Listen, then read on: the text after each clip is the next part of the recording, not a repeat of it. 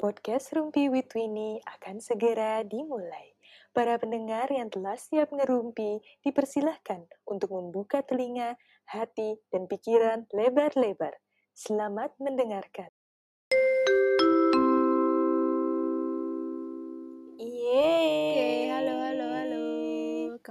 Lagi bersama kami, Rumpi with Winnie. Yeay. Gimana nih teman-teman, kabarnya masing-masing? Apakah masih waras di dalam tengah-tengah PPKM ini? Alhamdulillah. Masih, masih.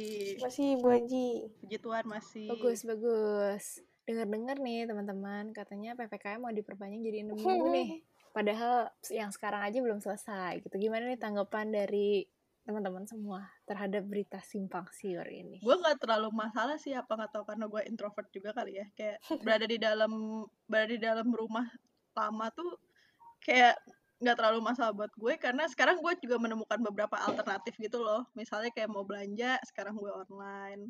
Belanja grocery juga gue nyari-nyarinya dari online. Jadi kayak eh, secara kebutuhan ter- masih terpenuhi, terus anggota keluarga juga lengkap di dalam rumah. Jadi eh, malah jadi banyak quality time-nya sama keluarga dan jadi kayak ya udahlah gitu kita eh, cari kesibukan di dalam rumah aja Setuju. gitu. Gue relate sama Oke, Fioji. oke. Jadi udah mulai dapat patternnya ya. Selama ini di rumah ngapain aja, jadinya kayak ya udahlah mau diperpanjang juga nggak apa-apa gitu ya. Asal nggak selamanya aja nggak sih? iya jangan Bener banget. Hari mungkin punya ini berbeda nih. Sebagai kalian kan INFJ ya, introvert gue E ENFJ.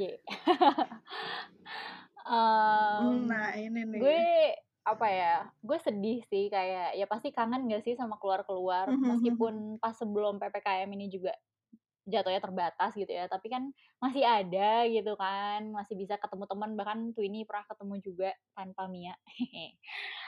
Eh, tapi ya dibandingkan kasus-kasus itu yang terus naik atau denger kabar tentang orang terdekat kita yang sakit atau bahkan meninggal gitu, I feel like ya udah nggak keluar rumah tuh kecil lah gitu dibandingkan itu.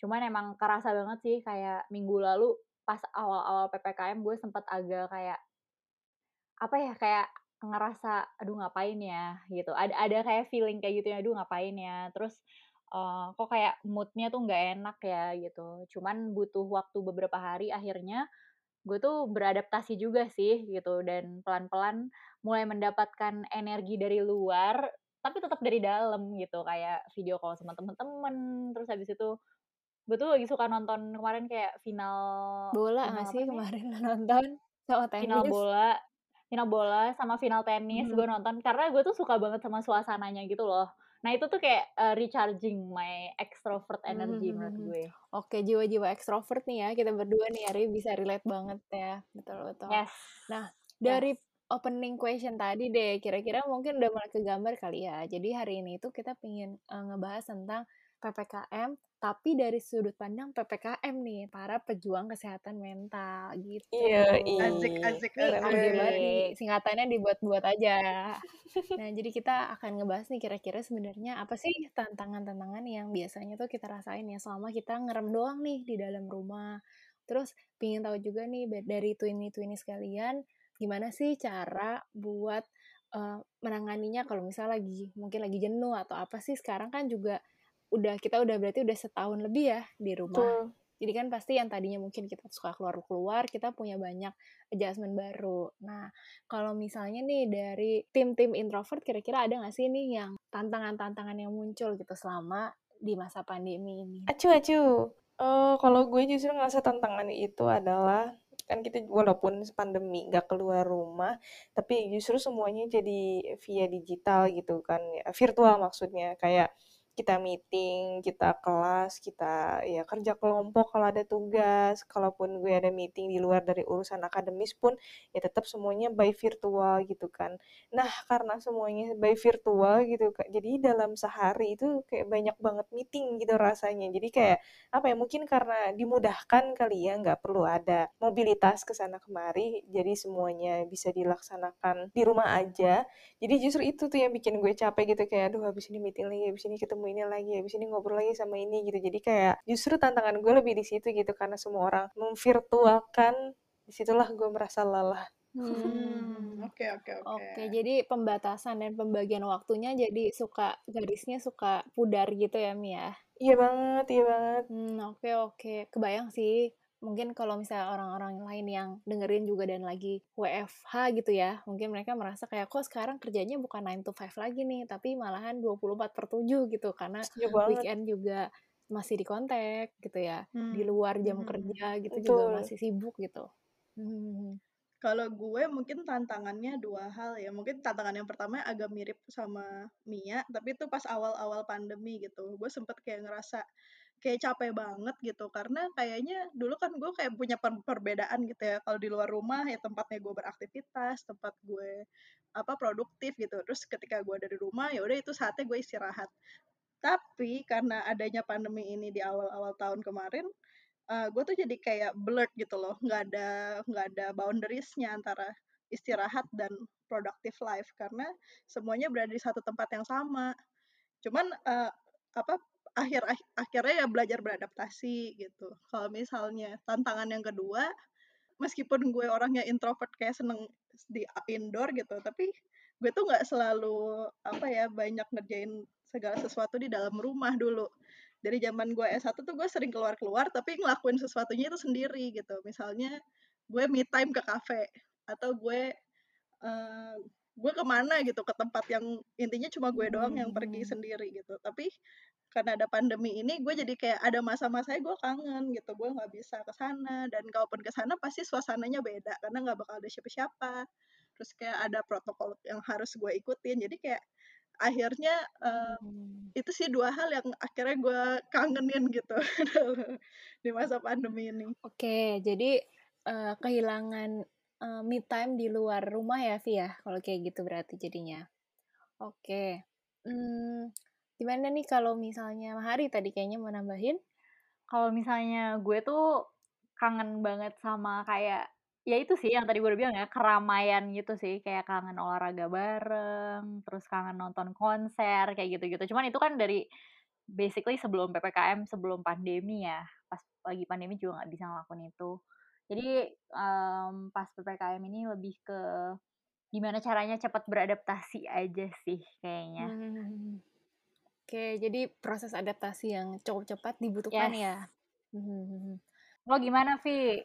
Eh, gimana ya, kalau gue sekarang lebih ke tantangannya buat maintain mood aja sih ya. Karena kan kalau misalnya sekarang, eee, semuanya dilakukan di rumah, even maksudnya satu keluarga ada di rumah, biasanya mungkin kita jarang bareng gitu, tapi habis itu sekarang most of the time menghabiskan waktunya bersama. Jadi kayak, apa ya, jadi menyesuaikan mood satu sama lain gitu. Terus dan kadang gue pun juga kadang-kadang kan jadi moody ya di rumah kayak jenuh gitu loh, kayak ngeliatinnya cuman kamar doang, dikit-dikit ke dapur, dikit-dikit ke mana gitu, jadi nggak ada suasana baru. Nah mungkin menurut gue itu salah satu tantangan yang paling besar sih, jadinya kita kayak cepet jenuh gitu dan apalagi, eee, bener tuh tadi yang kata Mia, kan semuanya serba online ya, Ya. jadi apalagi gue kurang biasa lah misalnya kalau ngobrol tuh cuman by online gitu. Jadi lumayan sulit gitu, takutnya antara miskom atau emang nggak enjoy aja sih karena nggak ketemu orangnya secara langsung gitu. Gitu.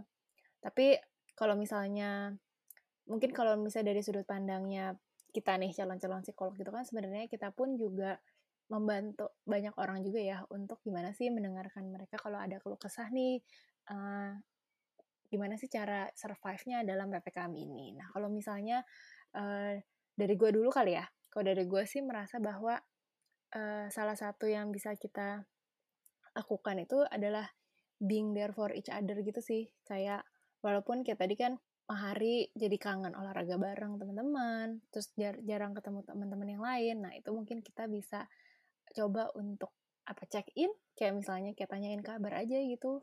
Mereka lagi gimana hari ini walaupun udah lama banget nggak chat supaya mungkin kita satu sama lain merasa bahwa ada yang perhatian aja sih menurut gue sih itu. Gimana kalau menurut kalian? Gue setuju, Vi, setuju. Terus mungkin ini juga kali ya, kayak uh, kita jadi kayak apa ya, kan ini udah lama banget gitu, hitungannya udah setahun lebih kita ada di pandemi. Mungkin kita jadi kayak belajar beradaptasi gitu loh selama pandemi ini. Kita jadi membalancekan work life balance, study life balance. Di sisi lain kayak Mhm. pandemi ini tuh kayak meng- mengajarkan kita untuk kayak tahu prioritasnya gitu mana sih yang lebih priority gitu apakah eh, jalan-jalan Mm-mm. itu lebih prioritas sampai Benar-benar bisa mengorbankan nyawa gitu jadi kayak bener-bener diajarkan gitu oh ternyata quality time dengan keluarga tuh jadi lebih priority sekarang gitu Mm-mm. karena kita jadi saling menjaga satu sama lain dengan orang-orang Bener, dan satu lagi mungkin yang pengen gue tambahin tuh adalah kayak mungkin sebelum pandemi atau sebelum ppkm ini kita tuh kayak sibuk banget gitu loh kayak. "Oh, gue nggak ada gue nggak ada waktu nih buat sama keluarga gue gitu. Gue nggak ada waktu nih buat beres-beres gue nggak ada waktu nih buat ini itu ini itu gitu. Terus kayak pas pandemi atau ppkm ini datang gitu kayak lo punya 24 jam di rumah gitu loh. Tapi tetap bukan berarti bahwa lo bisa ngerjain segala sesuatu gitu. And menurut gue it's okay juga gitu ya nggak usah maksain kayak oh berarti gue harus uh, produktif terus menerus gitu. Karena Hmm. jelas-jelas kita lagi dilanda bencana. Cuman itu jadi kayak makin menekankan gitu pentingnya kita bisa manajemen diri sih. Manajemen mood manajemen waktu manajemen kayak Mhm. kedisiplinan gitu. Itu tuh kayak ngurusin kesehatan mental jadi penting banget lah gitu. Itu terasa banget di pandemi ini Iya, jadi kayak do something positif terus ya, Ri. Karena eh, maksudnya betul sih karena kita kan 24 jam di rumah, tapi kalau lo cuman i- ibaratnya do something yang eh, mungkin nggak menilai tambah, nggak memberikan nilai tambah, nah itu maksud gue. Ya artinya lo juga eh, sama aja gitu apa bedanya antara lu pas eh, sebelum pandemi sama saat pandemi gitu. Justru manfaatkanlah waktu selama kalian 24 jam di rumah ini, do something yang mungkin selama ini jadi excuse buat kita gitu. Ah, nggak ada waktu buat itu, ah nggak ada waktu buat ini. Tapi karena sekarang udah di rumah, lo bisa gitu. Kayak gua sekarang lagi belajar masak gitu. Ya karena gua ada waktu gitu. Nggak kebayangkan kalau lagi pandemi nanti, eh kalau lagi nggak pandemi nanti gimana gitu. Apakah gua justru eh, menghabiskan waktu untuk mobilitas gitu kan, pergi keluar, terus perjalanan pulang macet lagi, kayak gitu. Itu sih. Menarik, menarik. Emang bener sih ya. Jadi cara kita buat lihat perspektif keadaannya juga yang akhirnya mempengaruhi kita gimana cara kita Mhm. menjalani PPKM ini ya. Yap. Benar. dan kayak kalau misalnya sekarang sebenarnya kan banyak hal yang di luar kontrol kita ya kayak pandemi ini gitu kan atau kita kasusnya naik terus gitu tapi somehow ya itu rasanya sebenarnya malah lebih banyak hal yang bisa kita kontrol gitu sekarang karena kita di dalam rumah dan Mhm. ya udah eh, apa yang kita lakuin bener-bener up to us gitu. Nggak up to kemacetan nggak up to kayak jadwal yang padat banget gitu. Dan itu lagi-lagi bisa jadi suatu perasaan kayak wah gue punya lebih baik kontrol atas hidup gue. Atau kayak saking banyak kontrolnya kita malah jadi tertekan gitu loh kayak duh kenapa gue nggak ini ya duh kenapa gue nggak ini ya gitu jadi nano-nano banget sih rasanya antara jadi positif atau jadi negatif Ini pandangan baru juga ya, karena mungkin kan Mm-mm. kalau misalnya banyak orang juga mikirnya bahwa oh ya berarti PPKM tuh kayak berasa terkurung di rumah, terus jadi merasakan dampak negatifnya doang nih. Sedangkan kalau yang tadi Mari sebutin, memang ternyata kalau kita uh, ubah sedikit sudut pandangnya, ternyata sebenarnya kita jadi punya banyak tambahan Yes. waktu untuk melakukan apa yang kita pingin gitu kan ketika di rumah malahan. Mungkin ini juga kali ya kalau misalnya kita sambungin sama episode kita yang kemarin eh, kita kan kemarin ngebahas, soal self care tuh. Nah mungkin buat kita kita yang selama ini belum apa belum terbiasa ngelakuin self care selama kita 24 jam di rumah tuh kita jadi punya kesempatan gitu loh buat ngelakuin self care terus kayak misalnya contoh kayak dulu kayak yang gue bilang tadi kan gue self care ke kafe gitu. Tapi karena sekarang pandemi gue nggak bisa ke kafe oke gitu let's make the cafe di rumah gitu. Jadi rumah gue jadi kafenya terus kayak oke gue bakal cari sela-sela waktu sela-sela waktu gitu untuk ngelakuin me time. Mungkin pas semua lagi pada sibuk gitu dan gue punya waktu luang itu jadi kesempatan gue buat ikutan self care gitu. Oke, bener banget nih Vioji. Dengan kita bisa sambungin ya sama uh, podcast kita yang uh, dua minggu lalu deh kalau nggak salah ya tentang kita bahas tentang si gimana sih cara kita uh, menghabiskan waktu untuk mencintai diri kita sendiri gitu. Berasa banget juga emang uh, buat gue sendiri pun pribadi jadi lebih banyak memanjakan diri gitu ya di rumah apa pun kegiatannya ya kan kayak Mhm. nonton uh, terus mungkin ada yang suka kalau Mia suka bersih bersih jadi lebih bersih bersih gitu Benar-benar. mungkin suka masak gitu gitu kan jadi memang uh, ketika kita melihatnya dalam sisi yang lebih positif sebenarnya ada berbagai hal yang bisa kita syukurin gitu walaupun kita nggak memungkiri juga nih bahwa it's a privilege gitu ya untuk kita bisa stay at home gitu. Iya bener banget. walaupun jenuh gitu, tapi yep. ada loh ternyata orang-orang yang terpaksa harus tetap kerja gitu. Mungkin kantornya nggak WFH gitu ya, malahan justru uh, mengancam dirinya gitu di luar sana untuk terpapar dengan virusnya lebih lagi gitu. Tuh. Nah sebenarnya yang kemarin itu uh, gue sendiri rasain, gue tuh sempet banget kayak uh, pingin cari hiburan gitu loh kayak misalnya kita kan sekarang scrolling Instagram, TikTok gitu ya nonton-nonton YouTube gitu tapi pernah ada satu momen di mana gue sampai kayak burn out gitu loh karena informasi di Instagram, hmm. di TikTok pun tuh semuanya all about COVID gitu jadi yang tadi kita pingin cari pelarian hmm. tapi malahan kita jadi dapat yeah, yeah apa ya kayak tekanan-tekanan batin juga gitu ya karena ngelihat uh, uh, uh. datanya semakin lama semakin tinggi gitu. Hmm, nah kalau teman-teman sendiri pernah dengan misalnya mungkin pernah nggak sih merasakan itu ya dengan yang gue rasakan juga gitu dan biasanya uh, apa sih yang uh, para twini ini lakukan gitu untuk coba me mengatasi lah kecemasan-kecemasan itu? Kalau gue pribadi sih ya uh, mungkin gue jarang yang ngeliat di Instagram atau TikTok. Kalau gue lebih seringnya tuh dapet di grup kayak uh, keluarga nge-share hoax-hoax gitu. Walaupun sekarang uh, apa namanya keluarga besar gua itu selalu ya backup each other dalam hal berita-berita uh, yang belum tentu benar gitu. Jadi uh, misalkan nih, misalkan om gua nge-share ada dia dapat forwardan dari orang lain terus dia nge-share nih di grup tapi dia tuh pasti nanya gitu ini bener gak ya? Gitu ini hoax atau enggak terus nanti yang lain om gue yang lain atau tante gue yang lain atau bokap nyokap gue tuh ngerespon oh iya ini hoax ini mah nggak bener segala macam gitu. Jadi um, at one point uh, bagusnya adalah keluarga gue saling apa ya cross check gitu loh. Kayak misalnya ada om gue yang nggak tahu ya bokap gue yang kasih tahu. Kalau misalnya bokap gue yang nggak tahu nanti siapa yang termasuk kakek nenek gue kan ada di grup juga tuh. Canggih banget emang mereka punya WA dan ada di dalam grup. Juga suka nge-cross check gitu suka nanya ke bokap gue gitu mas ini bener atau enggak ya? Atau hoax? gitu. Kayak gitu-gitu sih. Gue senang sebenarnya dengan um, keluarga gue kayak gitu cuman yang bikin gue jadi sebelnya itu adalah kok bisa bisanya ada si forwardan ini gitu si broadcast itu. Artinya kan di luar sana ada aja gitu hoax yang beredar gitu kan ya.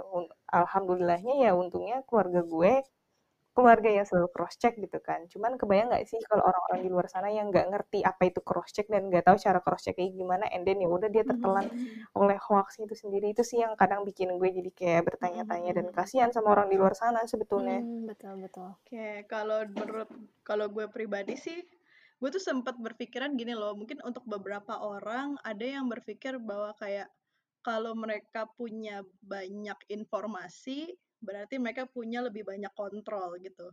Misalnya kayak semakin banyak informasi yang mereka punya, berarti gue bisa semakin memprediksi COVID ini gitu. Tapi the thing is seluruh dunia ini masih kayak bener-bener nggak bisa 100% sure dengan pandemi juga kan. Jadi kayak kadang kayaknya mindset itu tuh agak kurang applicable gitu loh di di yeah. di sini gitu kayak kalau misalnya makanya kalau gue pribadi sih kayak berita tuh oke okay ada tapi kan terkadang nggak semua berita juga memberikan apa ya 100% kebenarannya. Mungkin ada unsur-unsur politik di dalamnya ada unsur-unsur lain lah gitu agenda-agenda lain. Jadi uh, berita ada boleh kita lihat tapi jangan sampai bikin kita jadi berlarut-larut untuk menggali berita menggali berita menggali berita. Terus kayak jadi bener-bener fokus ke situ doang dan kita jadi lupa gitu tanggung jawab kita apa. Sumpah gue dapet banget sih poin yang Vyoji bilang gitu. Dan kayaknya sekarang tuh yang gue lagi lihat ya di story story teman-teman gue gitu kayak banyak banget ya orang-orang yang jadi kayak buk ngepost berita terus sambil marah-marah gitu gak sih? Kayak gue tuh sampai udah di titik capek aja gitu ngelihat orang marah-marah terus kayak gue hmm. merasa misalnya kayak masih ada yang marah-marah kayak kok bisa sih ada yang nggak percaya covid hmm. tapi tuh ya kayak dia kan ngepost di sosial media dia gue paham mungkin dia mau melampiaskan kemarahannya aja gitu ya cuman kayak orang-orang sekitar dia gue yakin juga bukan orang-orang yang nggak percaya covid gitu loh. Kayak ini tuh beda circle gitu loh. Tidak tepat sasaran ya hari iya iya.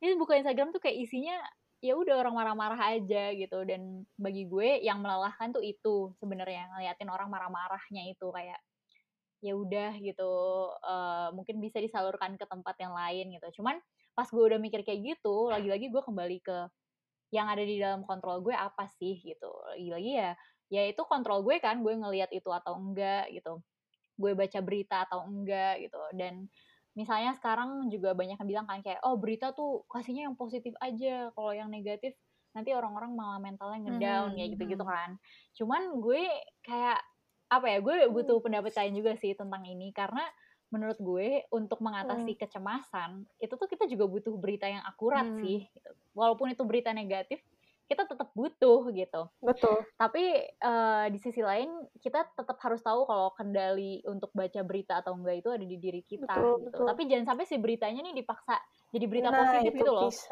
Kayak kayak kemarin yang rekor kesembuhan, rekor kesembuhan. Betul. Kan artinya ya makin baik yang sakit aja ya. ya betul. Jadi makin baik yang sembuh gitu. Tapi kayak seolah-olah dibuat gimana gitu. Lu ngerasa gak sih dengan justru uh, belakangan kemarin nih sebelum ppkm ya sebelum ppkm kan sempet kayak oh iya uh, covid udah nggak begitu ini nih uh, gitu. Terus gue juga pernah ngeliat ada video dokter yang bilang nih kabar baik uh, untuk covid gitu. Di rumah sakit udah jarang ada orang yang masuk justru lebih sering orang yang keluar karena sembuh gitu kan. Tapi itu tuh malah bikin orang akhirnya jadi ngelunjak gitu malah berpikir kayak oh covid udah kelar nih. Yaudah kagak usah pakai masker. Yaudah kagak usah jaga jarak kagak usah cuci tangan. Iya. keluar keluar aja. Terus akhirnya apa? Udah deh kan gelombang kedua. Hmm, udah ketebak pisan. Emang ya the power of news gitu ya berita di sekeliling kita gitu. Emang emang tugas kita masing-masing sih sebenarnya untuk edukasiin. Mm-hmm. Yang pertama sih edukasiin diri kita sendiri gitu ya. Kalau misalnya kita udah tahu bahwa oh ini sebenarnya yang kita pilih-pilih lah ya, oh ini baik, yang ini buruk gitu. Nah, kita kan juga bisa membaginya itu ke orang-orang di sekitar kita. Tapi ada triknya juga nih, ada trikinya juga karena kan lately ya, apalagi banyak nih influencer-influencer atau mungkin orang yang memang istilahnya tuh banyak uh, banyak yang dengerin gitu lah. Dia tuh malahan yang menjadi sumber uh, penyebar hoaxnya atau misalnya dia punya kepercayaan sesuatu yang mungkin sebenarnya itu sesuatu yang hmm, hmm. salah, hmm. tapi dia nggak keep it to her atau himself aja gitu, tapi akhirnya dia dia menyebarkan itu dan mungkin buat orang-orang hmm. yang mungkin belum bisa mengakses informasi dengan sebegitu uh, luasnya atau dia kurang bisa untuk pilih-pilih lah yang mana hoax mana hmm. enggak, jadinya ikut kegiring gitu opininya. Benar-benar setuju banget tuh kayak gitu sedih hmm. di sisi lain ini gak sih kayak being mindful dengan ya apa ya informasi itu kayak nggak 100% bisa kita percayai ya at least 80-20 lah gitu kayak 80% oke okay, mungkin itu akurat gitu tapi mungkin ada faktor 20 persennya yang pemberi beritanya juga belum tentu apa tahu kebenarannya gitu mungkin ada agenda tertentu. Di sisi lain kayak kita juga nggak bisa being mindful juga gitu bahwa informasi yang kita dapat itu nggak serta merta bikin kita punya kontrol yang lebih besar dan kita juga jadi kadang kayak rely ke berita tuh jadi kayak rely ke pemerintah doang tapi kita juga belum tentu melakukan bagian kita sebagai warga negara sebagai ppkm nih gitu sebagai penju para penjuang. Kita nggak kita nggak melakukan bagian kita gitu. Padahal justru semakin banyak yang sadar bahwa kita semua punya andil mungkin itu akan mempercepat sih ketimbang rely on berita dan kayak menuntut pemerintah untuk terus-terusan memberikan solusi gitu. Bener banget Fioji. Dan kayak gue senang banget sih kemarin pas ada inisiatif yang kayak warga bantu warga terus kayak orang-orang yang ngasih tahu oh rumah sakit ini berapa yang kosong? Terus kayak apa yang bisa dilakuin kayak gitu. Itu tuh menurut gue gotong royong sense tuh membantu banget sih di era krisis kayak gini. Itu baru kayak positif yang positif yang betul. membangun gitu loh. Benar-benar positif yang membangun. Dan gue tuh kemarin sempet kayak ngobrol-ngobrol sama psikolog gitu. Mm. Dan dia bilang kalau misalnya di pandemi kayak gini gitu, ya emang manusia normal itu harusnya tuh cemas gitu loh. Mm. Jangan berusaha untuk membuat diri kita nggak cemas mm. gitu karena itu malah akan ngebuat kita nggak survive. Mm, betul. Literally gitu betul, gitu loh, betul. secara kesehatan fisik gitu. Jadi uh, cemasnya itu nggak apa-apa, jangan jangan dibuat revolutionary sih. Iya, jangan dibuat kayak oh ya udah ini uh, pandeminya cuman ini kok bentar kok, oh PPKM cuma dua minggu kok, oh itu yang mm, misalnya di rumah sakit mana masih ada kok, kayak jangan kayak gitu gitu nggak apa-apa. Uh, kita takut aja, kita cemas aja, tapi lebih ke fokus gimana cara kita bisa ngendaliin kecemasan itu nggak sampai mengganggu keseharian kita gitu. Karena ya itulah cara mengatasi kecemasan dengan berita-berita positif tapi apa ya misleading itu bahaya banget kayaknya Mhm. sih. Mirip kayak you stress distress ya, maksudnya ketika ada sumber stresor kan depends on kita pada akhirnya kita akan ngeresponnya gimana ya, apakah kita akan jadi kayak aduh pusing nggak tahu ah terus uring-uringan nggak produktif nggak ngerjain aktivitas sehari-hari atau justru dari situ jadi pencetus untuk eh, pencetus apa ya pemecut kali ya supaya kita kayak oke gue harus lebih sehat oke gue harus lebih ini gitu. Jadi ada apa ya ada langkah yang lebih tepat yang harus dilakukan setelah itu gitu. Mirip kayak gitu berarti ya Setuju-setuju sama Mia nih. Nah, kalau misalnya kita kan tadi kita bahas nih bahwa kita ini sebenarnya Mhm. para pejuang kesehatan mental nih. Sebenarnya kalau mau dibilang nggak cuma kita berempat doang nih, tapi sebenarnya setiap orang yang mendengarkan ini di luar orang yang mendengarkan ini sebenarnya tuh kita bertindak sebagai pejuang kesehatan mental kita masing-masing gitu kan. Nggak cuma dalam diri kita sendiri, tapi buat orang-orang sekitar kita, buat uh, mungkin buat keluarga kita yang lagi tinggal bersama gitu. Mungkin kan mereka juga butuh saling support nih dari kita. Nah, kalau dari teman-teman tuh ini Mhm, tuh mhm. punya tips gak sih atau mungkin apa sih yang udah teman-teman lakukan nih selama ini supaya mungkin teman-teman yang denger jadi dapat inspirasi nih yang mungkin mereka bisa lakukan nantinya di rumah. Kalau gue sih gini kayak sekarang ini kebetulan di rumah lagi cukup rame gitu ada mertua, ada kebetulan ipar gue juga nginep sejak bulan kemarin. Nah karena kami cukup rame, jadi kayak memperbanyak aktivitas bersama gitu. Jadi kayak sama-sama membangkitkan mood juga kan akhirnya gitu kita uh, mungkin nonton bareng atau misalnya nih misalnya kita kayak nggak ada kegiatan mungkin kita masak bareng atau kita just discussing bareng aja tuh udah sesuatu yang bikin kita nggak merasa sendirian gitu loh menurut gue itu kayak kadang perlu karena mungkin kita terbiasa gitu apalagi di kota Jakarta gitu ya kayak lulu gue gue gitu. Anak-anak kadang jarang ngobrol sama orang tuanya anaknya sibuk sama online masing-masing gitu. Jadi uh, tapi ketika kita build communication build quality time dengan keluarga di sisi lain kita juga ngebantu mereka gitu. Mungkin ada tipe orang tua yang panikan Hmm, hmm, hmm. atau yang Mhm, uh, cemas gitu. Mereka jadi akan lebih ease down gitu ketika kita komunikasi, bareng sama iya mereka. sih maksudnya eh, komunikasi pun bisa sekarang apalagi gue ngerasa beruntung sih si pandemi ini terjadi di kita ini. Maksudnya di tahun ini yang kayak semua udah serba bisa secara online gitu kayak lo bisa video call. Kecuali kalau tambal ban video call itu beda cerita ya. Tapi maksudnya kalau kalau sama keluarga jauh ibaratnya gue kan keluarga gue di mana-mana nih gue di Bogor om tante gue ada di Jakarta nenek kakek gue di Bandung gitu. Maksudnya berjarak itu dan biasanya juga kita kalau lagi liburan kayak libur akhir tahun libur sekolah atau liburan lebaran itu kan kita pasti ke Bandung ngumpul ngariung gitu kalau Sudah orang-orang. Sunda biasa nyebutnya cuman ya karena begini akhirnya kita video callan gitu dan eh, untungnya mm, untungnya juga kakek nenek gue eh, eh, apa ya nggak yang segaptek itu gitu ya cukup tech savvy dalam hal WA jadi at least eh, kita kalau video call masih bisa gitu sih. Jadi eh, komunikasi emang salah satu cara ini juga. Apalagi emang kita dari awal selalu eh, aktif di grup gitu kan di grup keluarga. Jadi pun pandemi kayak ya udah kita nge-switch pertemuannya jadi eh, online meeting. Itu sih. Sama ini sih kalau uh, gue perhatiin ya tante tante om gue bokap bokap gue kalau di grup tuh selalu selalu banget ngingetin kakek nenek gue maksudnya kalau kakek nenek kan lebih rentan ya dalam hal covid ini itu jadi selalu ngingetin dah tuh jaga kesehatannya ibu jangan lupa dipakai maskernya gitu apa segala macam jadi kita selalu mengingatkan itu tanpa henti-henti.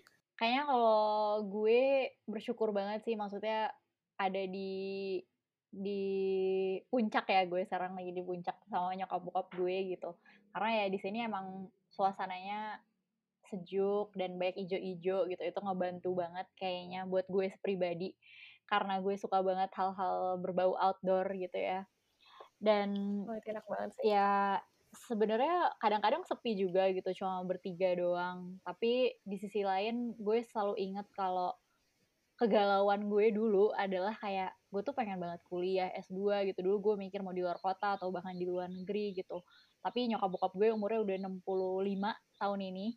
Jadi gue selalu mikir tapi kayaknya gue mau cherish apa ya my time with them juga karena mereka udah tua gitu. Dan ternyata di pandemi ini gue bisa ngelakuin dua-duanya gitu loh. Gue bisa kuliah sambil juga quality time sama mereka gitu. Dan gue gue kerasa banget sih kayak Iya banget. quality time banget ya. Setuju. kita akhirnya bisa ngobrol lebih dalam lagi benar-benar bisa mengenali nyokap bokap lebih dalam lagi dan mereka juga ke gue gitu. Dan itu kayak jadi salah satu rutinitas juga sih setiap harinya. Meskipun kayak palingan apa sih kabar baru bedanya hari ini sama kemarin tapi ada aja gitu yang mau diomongin dan harus disempetin gitu. Karena kalau misalnya nggak disempetin ya jadinya nggak terrecharge juga gitu nggak nggak dapet juga tuh quality quality time-nya. Terus selain sama orang tua sama keluarga gue pertama kali rajin skincarean terus abis itu rajin olahraga itu pas pandemi ini ya kayak gue baru ngerasain self love dalam bentuk self care itu tuh enak Iya banget. banget. enak banget gitu Sama banget. Dan kita selalu saling mengingatkan ya, self care. Yes, yes. Gue juga ketularan Mia kayak mulai lebih suka beres-beres. Meskipun gue masih berantakan banget pasti kalau dibandingin sama Mia. Tapi gue mulai finding the joy gitu loh. Karena kayak, menurut gue itu bagian dari self-love juga bahkan. Kayak ketika lo peduli sama diri lo, ya lo mau kamar lo rapih kan gitu. Ya lo mau tempat lo tuh enak dipandang kan gitu. Jadi mm, menurut gue self love tuh bisa jadi tema banget sih di era-era PPKM ini. Kayak apa sih hal yang dari dulu sebenarnya pengen lo lakuin buat diri lo sendiri, tapi sampai sekarang selalu dibilang nggak ada waktu gitu. Coba dilakuin itu. Hmm, betul sih. Can relate banget tuh yang yang gue pernah ceritain juga nih ke teman-teman ini bahwa gue sebenarnya pingin banget kan dari dulu itu kayak explore les bahasa Korea gitu. Karena kan gue suka banget ya nonton-nonton Korea gitu dan ternyata bisa terjadinya ya karena di masa pandemi ini gitu. Akhirnya gue memberanikan diri untuk coba explore dunia eh, perbahasaan ini gitu. Kalau misalnya kita lagi kuliah di masa biasa gitu kan pasti kan waktunya pasti akan kebuang buat uh, pergi nih kita uh, macet-macetan ke Depok terus udah gitu nanti pasti kebuang juga dengan aktivitas-aktivitas lain yang habisnya di jalan gitu sedangkan sekarang Iya. jadi banyak banget kesimpan waktunya untuk melakukan hal-hal yang sebenarnya mungkin udah ketunda gitu kan dan kalau gue sih mungkin lebih ke karena gue orangnya ekstrovert banget nih malahan jadi gue berasa kayak uh, salah satu yang uh, membuat gue masih sane gitu ya masih wa- waras gitu ya di saat ini adalah gue selalu coba buat uh, bawel sama teman-teman gue gitu jadi chat-chat temen gue aja gitu yang mungkin udah lama nggak kontekan gitu atau yang emang mungkin kita nggak nggak ada urusan apa apa gitu sama dia tapi tiba-tiba aja kayak nanya apa kabar atau kayak ajak video call buat main bareng gitu di luar tugas kuliah gitu ya jadi kayak walaupun kita masing-masing di rumah sendiri-sendiri gitu tapi Bener jadi banget. less lonely gitu nggak sih berasanya karena kita Yes, pun yes, juga yes. Me- melewatinya bareng-bareng gitu sama mereka Ngechat temen, ngirim video receh gitu ya, VOC ya. betul banget tuh, tuh rutinitas gitu tuh ya Tapi sebenarnya kayak kalau quality time bareng keluarga itu sebenarnya agak tricky juga sih setelah gue pikir-pikir ya mungkin ada juga beberapa keluarga yang struggle with it gitu loh. Mungkin karena setelah sekian lama sering kali sibuk sendiri gitu. Terus mereka kemudian sekarang di satu rumah yang sama, terus akhirnya mulai dapet nih kayak tektokan yang nggak enaknya gitu. Mungkin ada yang clash-nya, ada Mhm.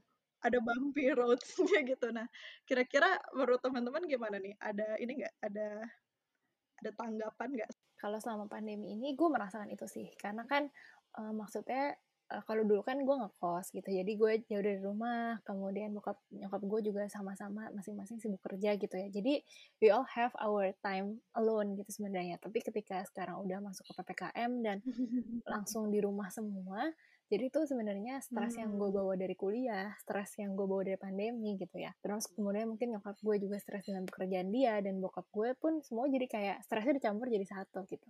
Nah kalau di gue yang gue terapkan itu sebenarnya dalam keluarga adalah kita coba untuk kasih personal space sih masing-masing ya. Minimal em, kita punya kamar masing-masing kan sendiri gitu misalnya. Jadi kalau misalnya uh, gue lagi merasa stres ya udah gue di kamar sendiri uh, coba nenangin diri dulu gitu nggak keluar kamar terus gue menyebarkan aura negatif gue yang bete dan mood gue yang berantakan ini ke orang rumah juga dan mungkin bokap nyokap gue pun juga tahu ketika mungkin mereka lagi capek atau misalnya mereka Mm-mm. lagi stres mereka juga take the Hmm. time alone misalnya kalau nyokap gue jadi masak di dapur sendirian atau misalnya dia eh, bokap gue misalnya di kamar juga jadi kita nggak sama-sama mengganggu privasi Hmm. masing-masing tapi once ketika moodnya memang sudah dingin akhirnya kita bisa ngobrol lagi bareng uh, di meja makan. Misalnya makan malam bareng atau makan pagi bareng gitu misalnya. Duh tapi gue nggak pernah makan nggak pernah bangun pagi jadi jarang sarapan bareng gitu ya. Tapi lebih ke uh, mungkin dinner bareng kali ya gitu. Jadi maksudnya walaupun kita satu rumah pun kita tetap punya personal boundaries masing-masing lah gitu. Hmm, dan itu harus di set sih ya si personal boundaries itu harus di communicate juga gitu. Balik lagi gitu ke pertanyaan VOG hmm, tadi gitu. Gimana sih supaya komunikasinya enak? Ya dikomunikasikan. Lo mau komunikasinya gimana ibaratnya?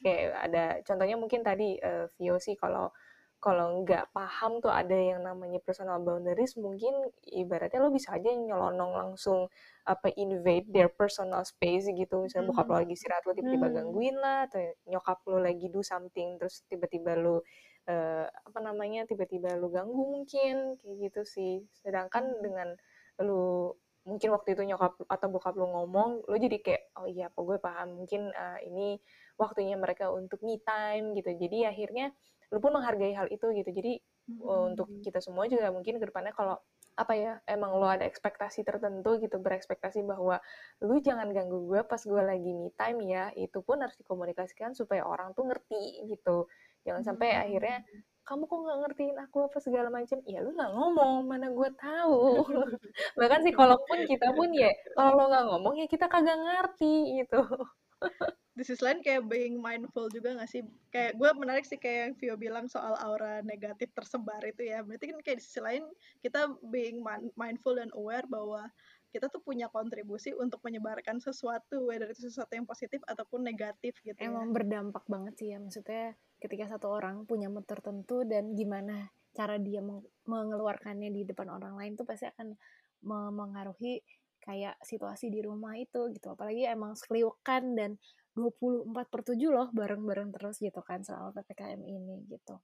Nah mungkin pengen senggol sedikit nih dengan kalau misalnya Mia dan Vioji kan sebenarnya udah nikah. Jadi dengan pasangannya juga sebenarnya uh, bisa satu rumah nih gitu. Nah mungkin kalau dari Mahari nih tipsnya deh gitu buat yang kita-kita nih ya masih masih dengan pasangannya masih nggak serumah dan kita mengalami mengalami mengalami apa ya perjuangan yang menjadikan kita tuh kayak jadi jauh gitu deh kita. Gimana tuh cara-cara tipsnya tuh?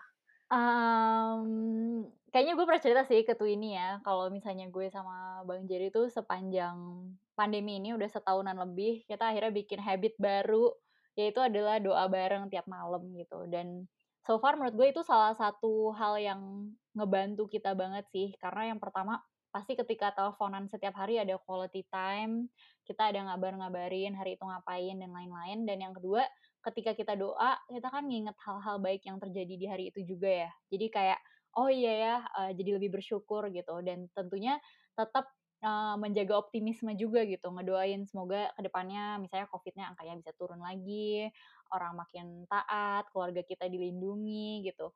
Nah itu ngebantu banget sih perasaan bahwa nggak sendiri gitu loh di pandemi ini. Itu yang pertama.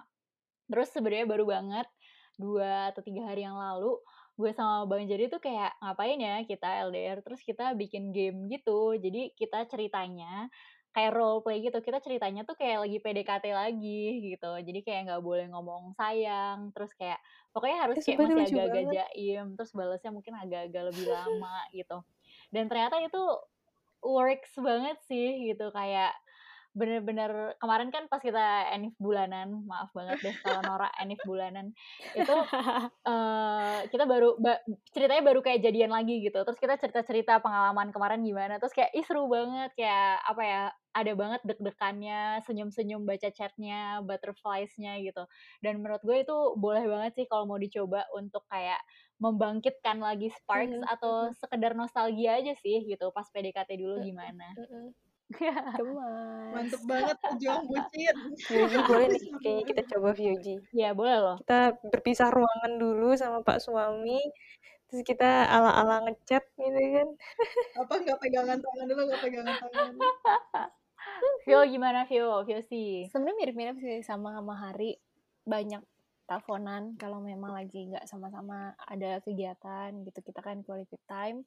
Terus mungkin kalau gue tuh banyak menghabiskan waktu buat kita tuh sama-sama masuk orang yang suka main maksudnya main bareng gitu jadi kalau dulu waktu offline itu kita suka ke time zone, kalau misalnya sekarang kalau online tuh kita suka explore gitu loh, kira-kira apa ya yang game di HP ataupun di laptop gitu yang kita bisa mainin bareng gitu.